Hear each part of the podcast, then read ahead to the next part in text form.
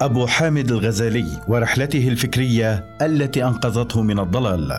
يعد أبو حامد الغزالي من أكثر الشخصيات التي ملأت الدنيا وشغلت الناس قديما وحديثا وما زال لأفكاره الأثر العميق في عقول المسلمين حتى يومنا هذا.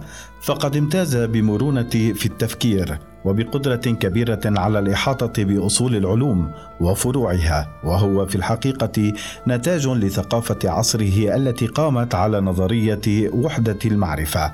في فترة ظهور الغزالي لم يكن التخصص بسماته الضيقة معروفا ولهذا نجده عالما موسوعيا جمع بين علوم ومعارف متنوعة تألق نجمه فيها فقد كان فقيها وأصوليا وفيلسوفا ومتكلما ومتصوفا. وللغزالي تجربة شخصية عاناها بنفسه.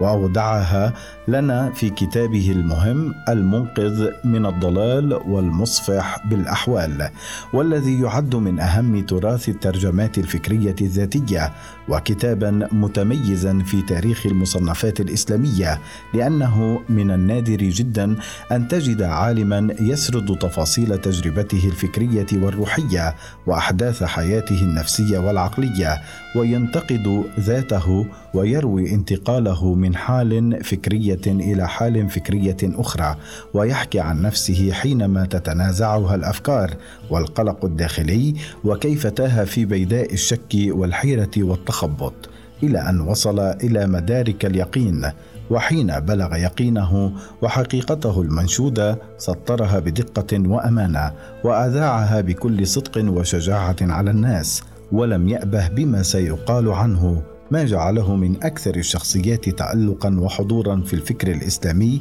لا ينضب معينه مع الأيام. المناخ الفكري في عصر الغزالي. كثيرا ما انتقد الغزالي بسبب رحلته المتقلبة وتحولاته الفكرية ولأنه كما قال البعض انتهى به الأمر إلى التصوف. كثيرون تتبعوا مراحل تحولاته الفكرية متجاهلين الظروف السياسية والتاريخية وتنازع المذاهب الفكرية والدينية والتخاصمات في بيئته. كان للعصر والبيئة التي وجد فيها الغزالي أثر كبير على أفكاره، نجد صداها في مؤلفاته، وانعكست الظروف التاريخية والفكرية التي سادت العالم الإسلامي خلال القرن الخامس الهجري وبداية القرن السادس على شخصيته. في عصره كان الصراع بين العقائد والمذاهب والتيارات الفكرية المتعارضة على أشده بين أخلاط وأجناس من شتى الأمم كان هناك مجتمع عالمي مفتوح نوعا ما يشهد حالة من الغليان الفكري والثقافي لا مثيل لها وكانت الباطنية قد استشرت واستفحلت ونشرت الرعب وسفك الدماء وكان للغزالي معها جولات فكرية عدة. وفي عصره انزوى مذهب المعتزلة وتحقق النصر لمذهب الأشاعرة وبرز تيار الصوفيه وتأثر المسلمون بالمؤثرات الثقافية الوافدة كثقافة الفرس والمنطق اليوناني والفلسفة فبرز تيار غاضب على الفلسفة وتيار آخر يحاول التقريب بين الفلسفة والدين وتنامت رغبة البعض في الخروج عن القديم ورغبة آخرين في التمسك به ومغالاة البعض في تقديس العقل واشتعلت الحماسة والفتن المذهبية. مرة بين الحنابلة والأشعرية ومرة بين الحنابلة والشيعة حسب ما يوضح مصطفى جواد في دراسته عن عصر الإمام الغزالي المنشورة ضمن كتاب أبو حامد الغزالي في الذكرى المئوية التاسعة لميلاده.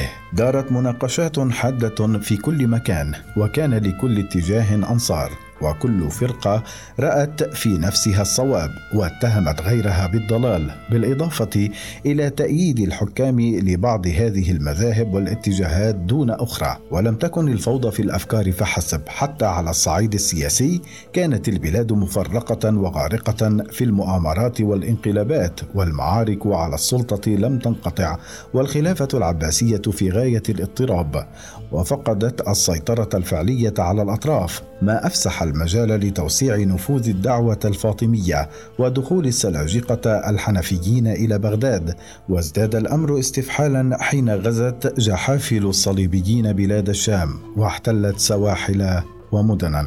هكذا كان حال العالم الإسلامي في الفكر والسياسة ووسط هذا الجو المضطرب عاش الغزالي وشهد ميدان الخصام الفكري. وبروز المجادلات العقلية والتشدد في الآراء والمقالات وكان متفاعلا وملما بثقافة عصره وأفكاره وهو ما جعله عرضة للتحولات الفكرية التي انعكست على سيرته استحضار هذا الواقع مهم في نقد حال الغزالي ومن ثم التبصر في مآلاته وأحواله قبل الحكم عليه. مصادر التلقي نشأ الغزالي في بيئة دينية ذات طابع صوفي. كان والده فقيرا يغزل الصوف ويبيعه في دكانه في مدينة طوس في خراسان وأحب مجالس العلماء وأهل التصوف ولما حضرته الموت كان الغزالي وأخوه محمد في مدراج الطفولة الأولى فعهد الوالد بهما إلى جار وصديق متصوف وقال له إن لي تاسفا عظيما على ما فاتني من العلم وأشتهي استدراك ما فاتني في ولدي هذين فعلمهما ولا عليك أن تنفق في سبيل ذلك جميع ما أخلفه لهما حسب الرواية التي أوردها تاج الدين السبكي في كتابه طبقات الشافعية الكبرى نفذ الصوفي وصية الوالد ودخل الصغيران في رعايته وتلقى الغزالي في بداية أمره ما يتلقاه أبناء المسلمين من تعليم اللغة العربية وحفظ القرآن وحين فني المال الذي تركه الوالد عند الصوفي ليعلم ولديه قال الأخير لهما أعلما أني قد أنفقت عليكما ما كان لكما وأنا رجل فقير لا مال لي فأواسيكما به. واصلح ما أرى لكما أن تلتحقا بمدرسة فإنكما من طلبة العلم. فيحصل لكما قوت يعينكما على وقتكما. هكذا دخلا المدرسة يتستران فيها بطلب العلم. وكان الغزالي يحكي هذه القصة كلما عاودته الذكرى ويقول طلبنا العلم لغير الله فأبى إلا أن يكون لله. والغزالي من صغره كما شهد له الكثيرون. كان صاحب ذكاء مفرط ونبوغ لا ريب فيه شغوفا بالعلم والمعرفة ميالا بطبعه إلى البحث مهما لقي من عناء. ولديه حب للاطلاع على كل شيء وقد وصف شغفه بالمعرفة بقوله في كتابه المنقذ من الضلال. كان التعطش إلى درك حقائق الأمور دأبي وديني من أول أمري وريعان عمري عزيزة وفطرة من الله وضعها في جبلتي لا باختيار وحيلتي. وكان المكان الذي ولد فيه الغزالي يغلب على قاطنيه المذهب الشافعي فكان هو كذلك. ودرس الفقه في صباه على يد الشيخ أحمد بن راثكاني ثم ارتحل إلى جرجان ودرس على يد الشيخ أبي ناصر الإسماعيلي ثم قدم إلى نيسابور وجلس فيها ردحا من الزمن ودرس على يد جماعة أشهرهم أبو المعالي الجويني وهو من كبار فقهاء المذهب الشافعي وشيخ المذهب الأشعري في زمانه كما يروي تاج الدين السبكي. كان الغزالي ربيبا لأبي المعالي. وتفقه على يديه وتأثر به كثيرا وعنه تلقى المذهب الأشعري واطلع على المذاهب الكلامية ومذاهب الفلاسفة ويعد الجويني مؤسس شخصية الغزالي العلمية وقد وصفه بأنه بحر مغدق وحين عرض الغزالي عليه كتابه المسمى بالمنخول قال له دفنتني وأنا حي هلا صبرت حتى أموت؟ حسب ما يروي ابن الجوزي في المنتظم في تاريخ الملوك والأمم ولما توفي الجويني غادر الغزالي نيسابور وارتحل إلى بغداد وفيها تألق نجمه وفتحت أمامه آفاق معرفية جديدة فاطلع على رسائل إخوان الصفا وعلى كل أشكال الفلسفة اليونانية كما أخبرنا في المنقذ. وفي أثناء مكوس الغزالي في بغداد لفت نظر الوزير السلجوقي نظام الملك فاتصل به ليقوم بالتدريس في أشهر مدارس عصره المدرسة النظامية. وكان لهذا الوزير أثر كبير في حياة الغزالي الفكرية إذ هو الذي أسس المدرسة النظامية في المدن الإسلامية الكبرى. وكانت هذه المدرسة بمثابة حواضن للفكر الأشعري الذي بدأ بالبقلاني ثم الجويني ثم بالغزال نفسه الذي سيصبح أحد أعمدة المذهب الأشعري ومن كبار منظريه وعليه التعويل عند المتأخرين. بداية التغيير ومكاشفة النفس في حدود سنة 484 هجرية وكان حينها الغزالي في الرابعة والثلاثين من عمره تولى التدريس في نظامية بغداد وذاع صيته وطبقت شهرته الآفاق وأعجب الخلق حسن كلامه وكمال فضله. وفصاحة لسانه حسب تاج الدين السبكي. وقال معاصره عبد الغافر الفارسي علت حشمته ودرجته في بغداد حتى كانت تغلب حشمته الأكابر والأمراء ودار الخلافة حسب ما نقل صالح أحمد الشامي في كتابه الإمام الغزالي حجة الإسلام ومجدد المئة الخامسة. وبينما الغزالي في أوج الشهرة والمجد حدثت له بعض المشكلات النفسية ومن هنا بدأ التحول العميق في حياته الفكرية والنفسية وبداية العزلة وإدامة الفكر. حدث ذلك بعد أربع سنوات من التدريس في النظامية فساءت حالته واعتقل لسانه عن الكلام وفقد شهوة الطعام والشراب وعجز الأطباء عن التعليل ووصف الدواء له.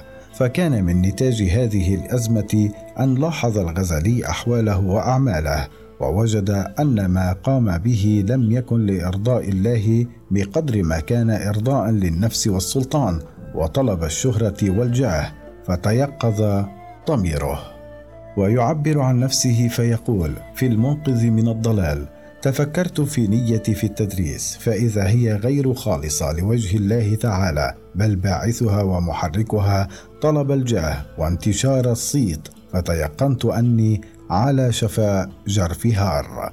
هذا الأمر جعله يتردد ويعيش صراعا بين تجاذب شهوات الدنيا ودواعي الآخرة استمر نحو ستة أشهر حتى عقد العزم على الخروج من بغداد ومفارقة تلك الأحوال وترك زوجته وأطفاله وآثر الاعتزال وحده مترحلا إلى زاوية منارة الجامع الأموي في دمشق ودامت عزلته عشر سنوات. المعاناة الفكرية. يقول الغزالي في مطلع قصيدة له أوردها في كتابه معارج القدس في مدراج معرفة النفس ما بال نفسي تطيل شكواها إلى الورى وهي ترتجي الله. كان من نتاج الأزمة النفسية التي تعرض لها أن تسرب الشك إلى نفسه وكان أوله أن شك في العقائد الدينية وانحلت عنده رابطة التقليد وانكسرت عليه العقائد الموروثة ثم بدأ بالشك في المحسوسات ووجد أنها ليست أهلا للثقة لأنك إذا نظرت إلى الظل تراه واقفا غير متحرك. فتحكم عليه بنفي الحركة ثم تعرف بالتجربة والمشاهدة أنه متحرك فلم تسمح نفسه بالتسليم اليقيني للمحسوسات. واتجه إلى العقليات وامتحن الثقة بها فانهارت العقليات والحواس كلتاهما. وحدثنا الغزالي في المنقذ من الضلال عن نفسه أنه أعضل به الداء قريبا من شهرين. أوكي. وحدثنا الغزالي وحدثنا الغزالي في المنقذ من الضلال عن نفسه أنه أعضل به الداء قريبا من شهرين هو فيهما على مذهب السفسطه بحكم الحال لا بحكم المنطق والمقال. حتى شفى الله من ذلك المرض والاعتلال وعادت النفس إلى الصحة والاعتدال ورجعت الضروريات العقلية مقبولة وموثوقة بها على أمن ويقين. ولكن كيف تم الشفاء من ذلك المرض؟ يجيبنا الغزالي عن ذلك بقوله لم يكن ذلك الخلاص بنظم دليل وترتيب كلام بل بنور قذفه الله في الصدر وذلك النور هو مفتاح أكثر المعارف فمن ظن أن الكشف موقوف على الأدلة المحررة فقد ضيق رحمة الله الواسعة. لم يكن شكه الذي خامر عقله على نحو شك ديكارت أو شكا بالمعنى اليوناني كان شكا غايته أن يتبع يقينا لذا جعل الشك طريقه إلى الحق. عادا أن من لم يشك لم ينظر ومن لم ينظر لم يبصر ومن لم يبصر بقي في العمى والضلال كما قال في كتابه ميزان العمل. وحين كان يبحث عن اليقين الذي لا يقبل الشك وعن الحق الذي يطمئن إليه كان من الطبيعي أن يبدأ اولا بتحديد مصادر المعرفة التي يعتمدها فقرر ماهية العلم اليقيني وعرفه في المنقذ قائلا. العلم اليقيني هو الذي ينكشف فيه المعلوم انكشافا لا يبقى معه ريب ولا يفارقه إمكان الغلط والوهم وكل علم لا أمان معه فليس بعلم يقيني. محطات للغزالي. بعد أن عرف العلم اليقيني رأى أن الناس مختلفون أديانا ومللا والطرق متباينة والبحر عميق غرق فيه الأكثرون وما نجا منه إلا الأقلون. وانحصرت طرق الوصول إلى المعرفة الصحيحة والحق اليقيني عنده في أربع فرق. هي الفرق المنتشرة في عصره والتي عددها في المنقذ. واحد المتكلمون وهم يدعون أنهم أهل الرأي والنظر. اثنان الباطنية وهم يزعمون أنهم أصحاب التعليم والمخصصون بالاقتباس من الإمام المعصوم. ثلاثة الفلاسفة وهم يزعمون أنهم أهل المنطق والبرهان. أربعة الصوفية وهم يدعون أنهم خواص حضرة الربوبية وأهل المشاهدة والمكاشفة. تقلب الغزالي بين هذه المذاهب الأربعة واستقصى ما عندها وقال في نفسه الحق لا يعدو هذه الأصناف الأربعة فهؤلاء هم السالكون سبل طريق الحق فإن شذ الحق عنهم فلا يبقى في درك الحق مطبع مسلك الخروج. رأى الغزالي أن طريق المتكلمين مضطرب والحق منه لا يفي بالمقصود وأن ما عليه الباطنيه باطل والفلسفة بعضها حق وبعضها باطل. وأخيرا وجد الحقيقة التي كان ينشدها في طريقة الصوفية وعلم أنها لا تحصل إلا بعلم وعمل أي بالمعرفة والممارسة معا. فابتدأ بمطالعة كتب الصوفية مثل قوت القلوب لأبي طالب المكي وكتب الحارث المحاسبي والمتفرقات المأثورة عن الجنيد والشبلي وأبي يزيد حتى اطلعت على كنه مقاصدهم العلمية كما يخبرنا في المنقذ. ووجد في كلام الصوفية ما هو أقرب إلى الحق من كلام الباطنية والفلاسفه والمتكلمين. ما خفف عنه مصابه وأزال عنه وحشيته فاختار التصوف ليعيش معه قائلا. انكشفت لي في أثناء هذه الخلوات أمور لا يمكن إحصاؤها واستقصاؤها والقدر الذي أذكره لينتفع به أني علمت يقينا أن الصوفية هم السالكون لطريق الله خاصة وأن سيرتهم أحسن السير وطريقتهم أصوب الطرق وأخلاقهم أزكى الأخلاق. وجد الغزالي مسلك خروجه في طريق التصوف لكن تصوفه هو تحقيق التقوى والإخلاص لله وتزكية النفس وربط الأعمال الظاهرة بالبواعث الباطنة لتحقيق أعلى درجات اليقين والإيمان. ويعترف الغزالي بعد أن قضى سنوات من العزلة بأن هناك بعض الحقائق لا يدركها العقلاء بالعقل. لذا أضاف إلى العقل ما اصطلح عليه بالذوق والسلوك والكشف الذي يقذفه الله في القلب عادا أن المعرفة الذوقية مصدر من مصادر المعرفة. البحث عن النفس حجر الزاوية في فلسفة الغزالي. يقول الغزالي في كتابه كيمياء السعادة إذا شئت أن تعرف نفسك فاعلم أنك مركب من شيئين. الأول هو هذا القالب والثاني يسمى النفس والروح. صميم تفكير الغزالي منصب على نفس الإنسان والجانب العلمي من الحياة النفسية وكان الانهماك في الجدل والأحكام الفقهية المجرده التي مج بهما محيطة والفصام النكدي بين العقل والروح هو الدافع الأول لاهتمامه بنفس الإنسان. رأى الغزالي أن الإسلام انتقل من القلوب إلى العقول فانقلب إلى مماحكات منطقية لفظية ومجادلات فقهية جامدة حسب طه عبد الباقي سرور في كتابه الغزالي ولهذا وجد في طريق العبادة الزهد والاعتكاف بعثا جديدا وحياة يومية مبينة على سلوك مثمر. عين ما أراد الغزالي قوله هو أن العقل لابد له من مدد كي يستعيد ثقته بنفسه. وأن موطن الإنسان ليس في عالم الحس والعقل فحسب لذلك نراه في مشكاه الأنوار. يوازن بين عين البصر وعين الروح فيقول إن البصر لا يدرك ذاته. ولكن الروح مدركة لذاته والبصر لا يرى القريب كما يرى البعيد حسب ما يشرح عثمان أمين في دراسته الجوانية الأخلاقية عند الغزالي الواردة ضمن كتاب أبو حامد الغزالي في الذكرى المئوية التاسعة لميلاده.